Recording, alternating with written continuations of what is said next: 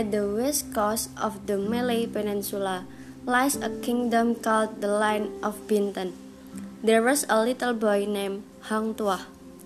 He was a diligent and courageous child and often helped his parents search for wood in the woods. Hang Tuah has four friends, Hang Jebat, Hang Lekir, Hang Lekiu, and Hang Kasturi. When they were growing up, they played together in the sea. They learned to become good seafarers and could take ships to distant lands. One day, they took a boat out of the middle of the ocean. Hey, look, there are three ships. Hang looked to his friends. The three ships were still in the distance, so they could not clearly see the scenes. The three ships are getting closer. Look at the flag, flag pirate ship. Let us flag them to the last man, shouted the Muscat. Pirate ships are getting closer to Hang Tuah and his friend. Let's find an a, a island to land. On line we are free to fight. Hang Tuah is stratagem. Upon line Hang Tuah plans. The battle between Hang Tuah and his friend against pirate was fierce. Hang Tuah attacked to the throwing pirate head with his amulet. Hey, little boy, give up. Come on, put down your kitchen knife. At the sound of those words, Hang Tuah is deeply offended. Then he leaped out and stabbed the pirate head. The pirate Knif was killed instantly. The, in this weekly time, after completing the wedding ceremony, Sultan Bintang and his queen returned to Malacca. Hang Tuah was appointed admiral. He led the fleet of the entire kingdom. But this did not last long as the court office became jealous. The place affairs inside the Sultan. They said that Hang Tuah could only be extravagant, following in luxury and wasting state funds. Finally, the Sultan was consumed by their sedition. Hang Tuah and Hang Jebat were stopped. Even the palace offers with Hang Tuah and Hang Jebat.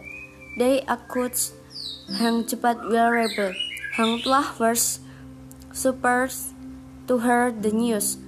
He then went to Hang Jebat and tried to advise him, but apparently the screaming of the royal officer had worked.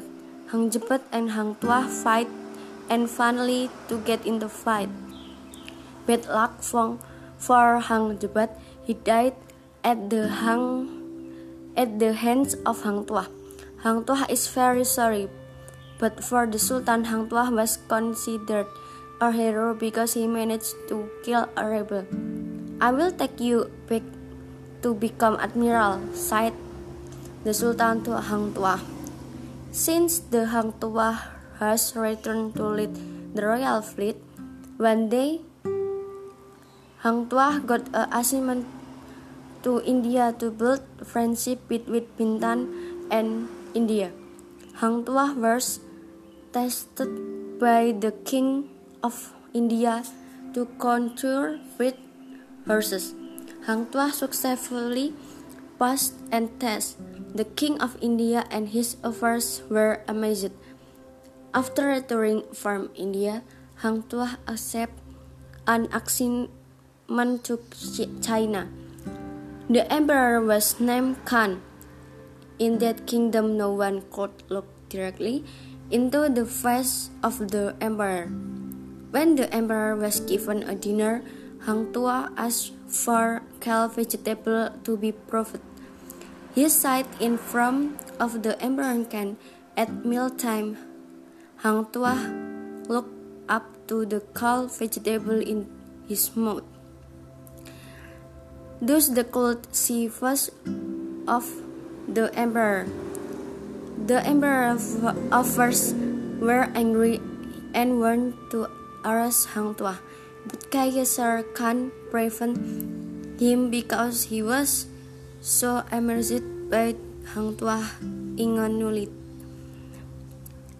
Hang Tuah has successfully carried out several other state duties, until one day he got the task of inspecting the fleet from the west led by admiral named De Almeida. His fleet is very strong. Hang Tuah and his troops immediately interpret first fighting ensued. That's when Hang Tuah died defending his homeland. He was killed by the admiral, but since then, the name Hang Tuah has become known an accomplished sailor, a brave admiral and hero in Indonesia and Malaysia. As from of respect, one of the Indonesian warship was named KRI Tuang, Tuah. Hopefully that name brings luck, which means blessing.